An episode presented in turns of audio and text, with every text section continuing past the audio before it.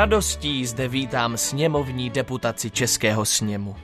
No, pane nejvyšší maršálku, jaké noviny nám z Prahy od Českého sněmu přinášíte? Vaše veličenstvo, jménem a z nařízení zemského sněmu českého vám tu podávám co nejponíženěji adresu díků a oddanosti, jakož v sezení dne 11. toho měsíce bylo ustanoveno.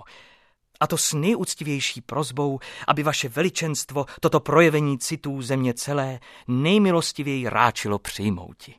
Hrabě Nostici, pánové, oznamte prosím zemskému sněmu, že toto projevení mému zemskému srdci působí blahou radost. Veličenstvo, jako zástupcové věrného království českého přibližujeme se ke stupňům trůnu, abychom přednesli co nejponíženější prozbu. A jaká je ta prozba? Celý zemský sněm, ba celá země, si co nejvroucněji přeje a prosí, aby vaše císařské a královské apoštolské veličenstvo ráčilo se v královském hlavním městě Praze za krále českého nejmilostivěji dáti korunovati. Dám se korunovati v Praze za krále českého a jsem přesvědčen, že tímto svatým obřadem bude upevněn nový, nezrušitelný svazek důvěry a věrnosti mezi trůnem mým a mým českým královstvím. Vaše veličenstvo, zprávu takovou budeme s velkou radostí před sněmem oznamovati a jsme přesvědčeni, že s horoucím nadšením v celé zemi přijata bude. Pánové, audience jest u konce. Bylo to velice pěkné, děkuji vám. Velice mne těšilo.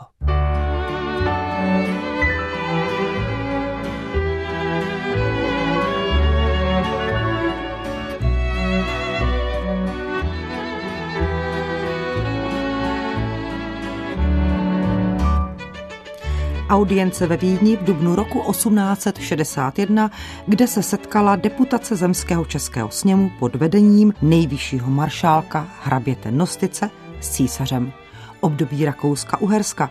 Součástí byly také české země, Morava a Slezsko. Bylo opravdu Rakousko-Uhersko žalářem národů? Tak to je téma dnešního Jak to bylo doopravdy. Ze studia vás zdraví Ivana Denčevová. Téma korunovace císaře Františka Josefa českým králem. Císař ujistil delegaci, že se korunovat dá, k tomu ale nedošlo. V čem byl problém? Otázka na historika doktora Jiřího Raka. O Rakousku Uhersku se teprve jedná. Tam se uvažuje o tom, že po revoluci monarchie potřebuje nové uspořádání. A jsou tři koncepce. Buď to centralistická, nebo federativní, anebo dualistická, která později zvítězila a vzniklo to je Rakousko-Uhersko. Zemské srdce, jak říkal císař, jak rozumět tomu, že on sám takto se projevoval? On se cítí jako Landesvater, jako otec země. Zdaleka ne všichni tvůrci obrození byli demokraté. V první fázi dokonce převládaly tendence monarchistické. Snělo se o korunovaném českém králi. S jakou slávou Čechy vítali na korunovaci Habsburka Leopolda II. na českém trůně v Praze na Hradčanech. Tyto tendence v té době vyloženě protikladné ideám a praxi francouzské revoluce. Mezi panslavisty byli až nechutně servilní obdivovatelé carismu. Austroslavisté byli upřímní příznivci zachování domu Habsburského. Celkovým politickým postojem v roce 1848 bylo obrození integrální součástí evropské demokratické protihabsburské revoluce. Karel Havlíček, nejupřímnější mluvčí České revoluce, byl upřímný demokrat. Upřímnější než mnoho jiných evropských demokratů té doby. A přece spolu s Palackým v letech 1848 až 49 zaujímal právě onu pozici, která nám vynesla neslavný predikát reakcionářů. Text eh, Františka Kautmana, autora knihy o českou národní identitu, nás už zavádí do českých zemí. Víme, že revoluční rok 1848 byl jistým přelomovým obdobím. Oč šlo, jaké byly záměry a důsledky? Šlo o představu celé společnosti a tím i o představu Rakouska jako takového. Já bych s tím textem trochu polemizoval, protože prostě mezi monarchismem a demokracií nebyl rozdíl. Nebo to nebylo protichutné. Británie je monarchie a je to demokratická země. A tak dále. A takhle oni si představovali Rakousko. Konstituční Rakousko, demokratickou monarchii a neviděli ty dva principy jako protichudné. Ale bylo to takto vnímáno, eh, dnes bychom řekli, nejširší veřejností? Nejširší veřejnost byla ještě víc monarchistická. To byl takový ten naivní monarchismus. Dobrý král, ten může všechno. Přece konstituční monarchie to jsou elity vzdělané. My jsme ale také slyšeli pojmy, které znamenají názorové proudy. Pan slavisté, austroslavisté. Austroslavisté je představa, že v monarchii tvoří vlastně slovanské národy většinu.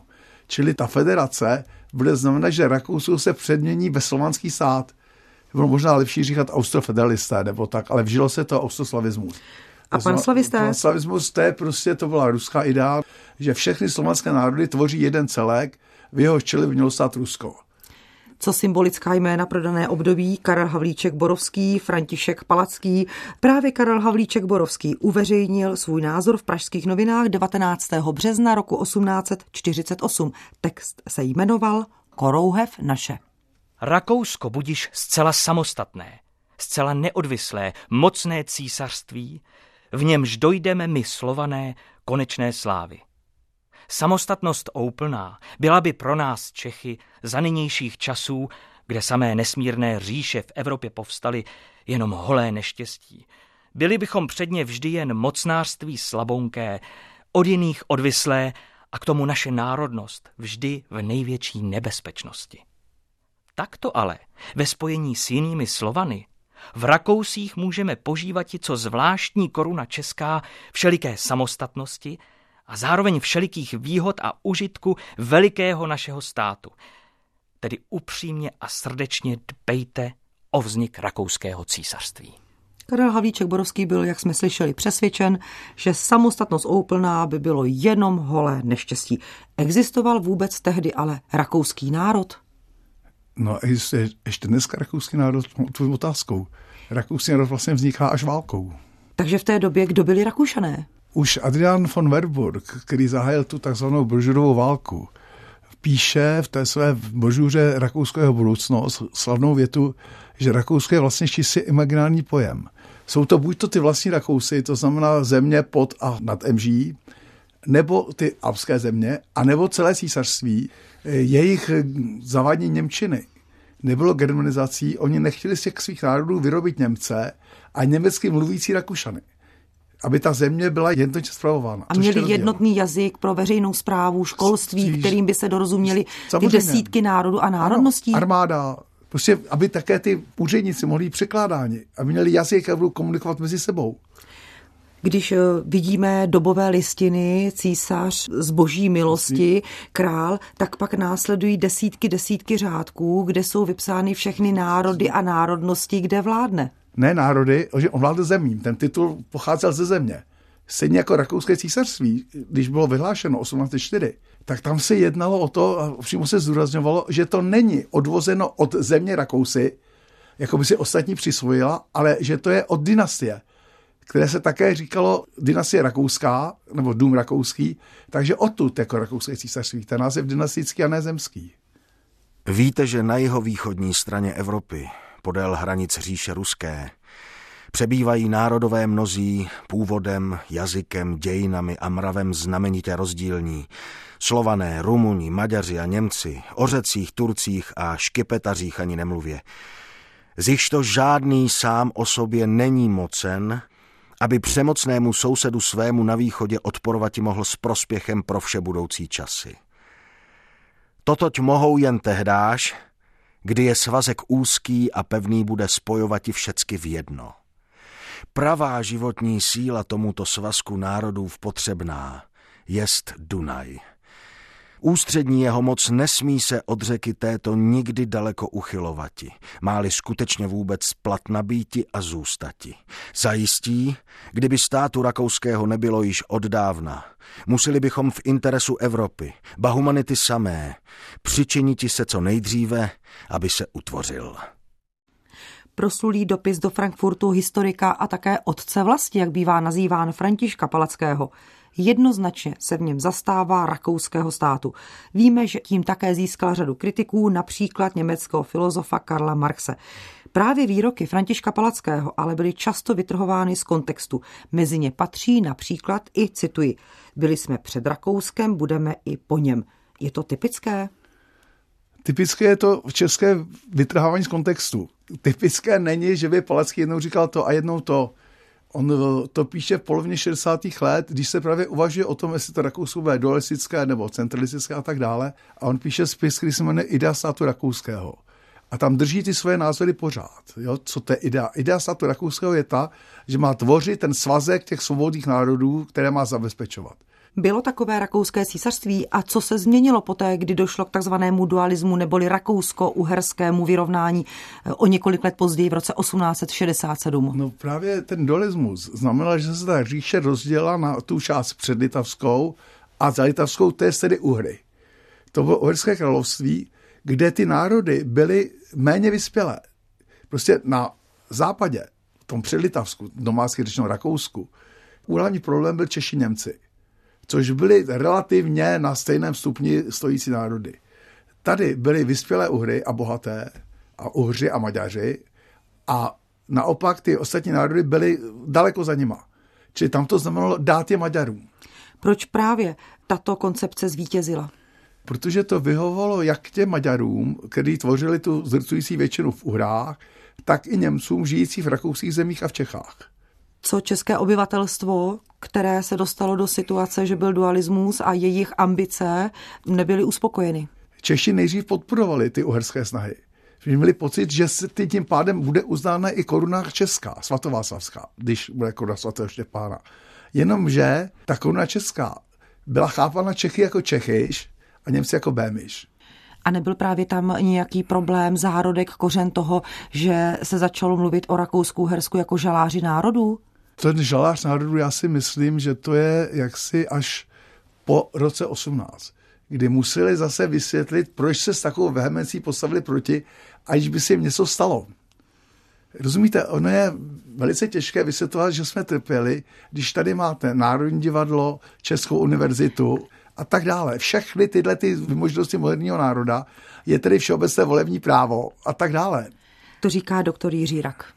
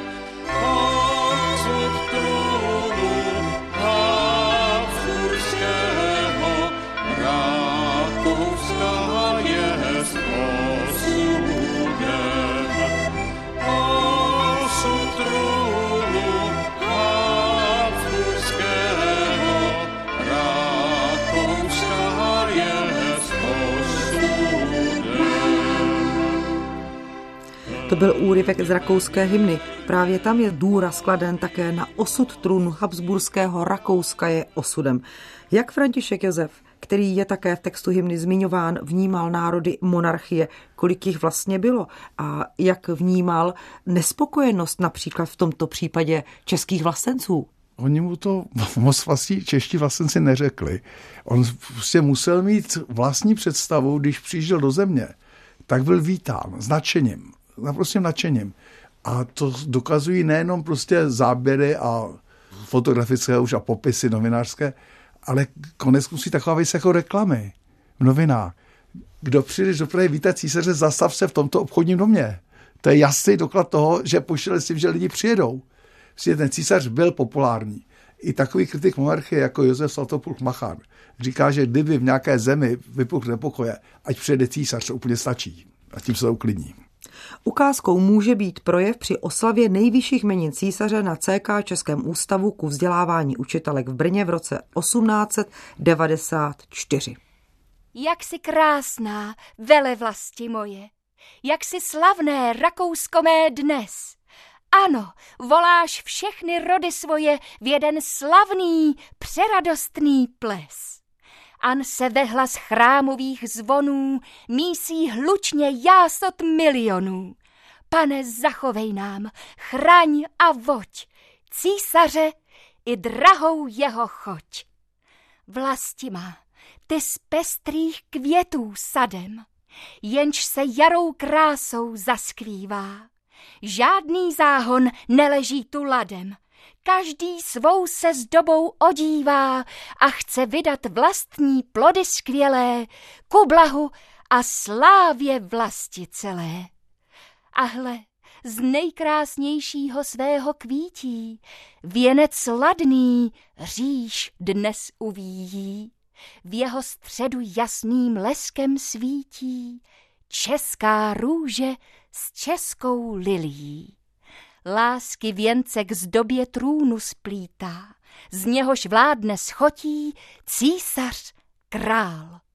On jenž národům svým heslo dal, silou spojenou, ať říše skvítá.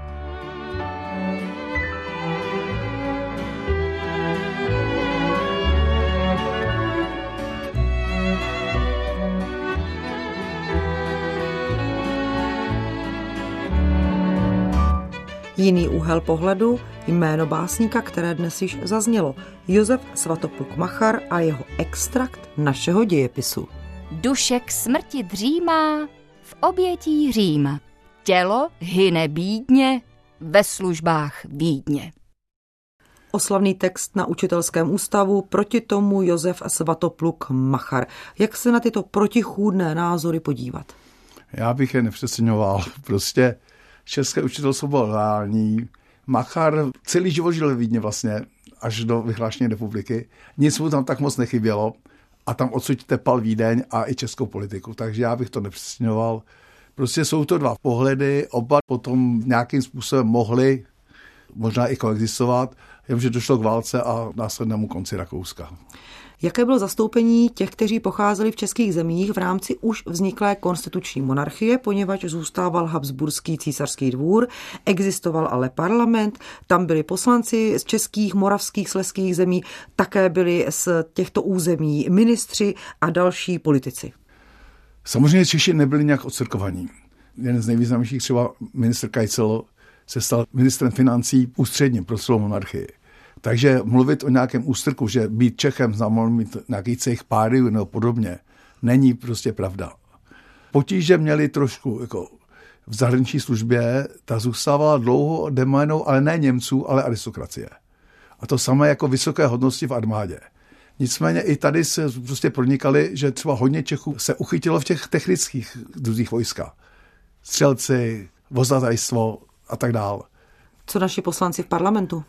Naši poslanci v parlamentu provozovali hlavně obstrukce, stejně s německýma, to znamená, že tam dělali hrozný kravál. Například? Například se vybavili dětskýma trompetkama, bubínkama a podobně a těmi znemožňovali jakýkoliv projev. Eh, Gregor tam jednou rozbil lavici, kterou potom vezl hrdě přes Prahu a ukazoval, aby národ viděl, jak dovede česká pěs nad tím Dunajem být. Takže eh, čestí poslanci bohužel tím, že nepronikli přímo do toho mocenského centra monarchie, které bylo díky historickému vývoji dlouho, jak se císařské přímo, tak oni nenesli přímo odpovědnost. Jo, oni měli takovou tu pohodlnou pozici kritizovat, ale tu přímo odpovědnost nenesli. To byla asi ta největší, největší chyba. Řekněme si, co kritizovali a řekněme si, jaké to mělo výsledky. Kritizovali jednotlivosti. České úřadování na poštách, tady. A k tomu vedli i takový zvláštní zápas z dnešního hlediska až dětinský. Že třeba, aby získali to místo českého úředníka na nějaké poště v německém okresu, tak Čechovi, který tam byl, posílali telegramy ve znění strč prst skrz krk. Což německý úředník nedokázal přepsat do češtiny a oni si stěžovali, že pošta zrušila špatně, takže, aby byl klid, tam dali českého úředníka. A podobně. Čili o takovéto věci se hádali. Ty velké věci měly v podstatě vybojované a ke konci existence monarchie na začátku 20. století už to vypadalo, že dosávají všechny strany rozum. Že i ta česká strana se smířila s tím, že nebude ovládat celou monarchii nikdy. Ale že Čech může obsadit prostě kterékoliv místo v Čechách, ale když bude chtít být ve Vídni, v centru, tak bude muset umět německy. Protože to byl jazyk pro všechny národy a národnosti celého státu. Přesně tak, já bych to dovolením srovnal i s dnešní Evropskou unii, jako kde už se nikdo nerozčiluje kvůli tomu, že kdo chce působit v těch evropských strukturách, musí umět anglicky. To se bude jako samozřejmost. Tak asi tak to mohlo vypadat. Kde se stal ten přelom a došlo k ryze konfliktní situaci? Ryze konfliktní situace byla samozřejmě první světová válka. To spojenectví s německou říší bylo pro rakouskou monarchii smrtící. Ovčáku vedu jednoho kamaráda, dezertéra. Necháš nás tu přespat? Nechám, hoši. I brambory na loupačku budou. Z celého srdce vám děkuji, dědečku. A odkud pak ty jsi, hochu? Od 91. pěšího regimentu. Josef Švejk se jmenuju. Aha. Ovčáku, chyt ho rapl. Chce mermomoci do Budějovic. Je mladý a nerozumný. Sám leze do svý zkázy. Jo, můj dědeček taky dezentíroval. A kdy pak ty si prchnul? Po mobilizaci. Jak nás odvedli do kasáren? Přelesi zeď? A co Marta? Střílela? Střílela, ale jinudy to nešlo. Nějaký civil pro tebe splašíme. Do jara se nějak protlučeme a pak půjdeme dělat k sedlákovi. Lidí bude málo, budou vytlučeni. A on tu vojnu náš císař pán nevyhraje. To není žádný nadšení do války, poněvadž on, jak říká pan učitel ze Strakonic, se nedal korunovat. Ať si maže teď komu chce med kolem huby. Když si Lumpe starý slíbil, že se dáš korunovat, tak si měl držet slovo. Může být, že on to teď nějak udělá. Na to se mu hochu teď každý vykašle. Měl by slyšet lidi, jak ti mluvějí po téhle válce, že prej bude svoboda. Nebude ani panských dvorů, ani císařů a, a knížecí statky, že se odeberou. Už taky kvůli takové jedné řeči odvedli četníci nějakýho kořínka, že prej jako pobužuje. No jo, dědečku. Dneska mají právo četníci. Proslulý román Dobrý voják Švejk spisovatel Jaroslava Haška nás dovedl do období první světové války. Právě tehdy tedy byl ten základní přelom ve vnímání tohoto státu. Rakousko je ironizováno a pozdější vznik Československa je vnímán jako vzpoura proti němu. No ono to tak úplně nebylo. Ten rozchod byl bolestný a dlouhý. Ale pravda je ta, že čeští Němci v té chvíli opřeně o spojenectví s německou říší, Vilemovskou, dávali celkem jasně najevo, že v případě vítězné války si Češi nemůžou nárokovat stejné svobody, jako měli před válkou. Čili tím v nich zasívali to přesvědčení, že vlastně porážka Rakouska bude pro ně výhodná. Ale zdaleka nebyli všichni. Zdaleka nebyli všichni stotožnění s tou porážkou Rakouska. My jsme úplně vytačili z našeho vědomí lidi, kteří ji litovali. Lidi, kteří prostě říkali, ne, je to Simpsonova chyba. Není to prostě tak černobílé. Otázkou dnešního, jak to bylo doopravdy je, bylo Rakousko-Uhersko žalářem národů a to je také otázka na hosta dnešního pořadu, kterým je historik doktor Jiří Rak. Tady se dá odpovědět naprosto jednoznačně, nebylo, čehož důkazem je to, že tady spolu sedíme a mluvíme česky, do českého rozhlasu. Kdyby ten národ zaniknul, kdyby ho Rakousko vymazalo, tak by se nebyli.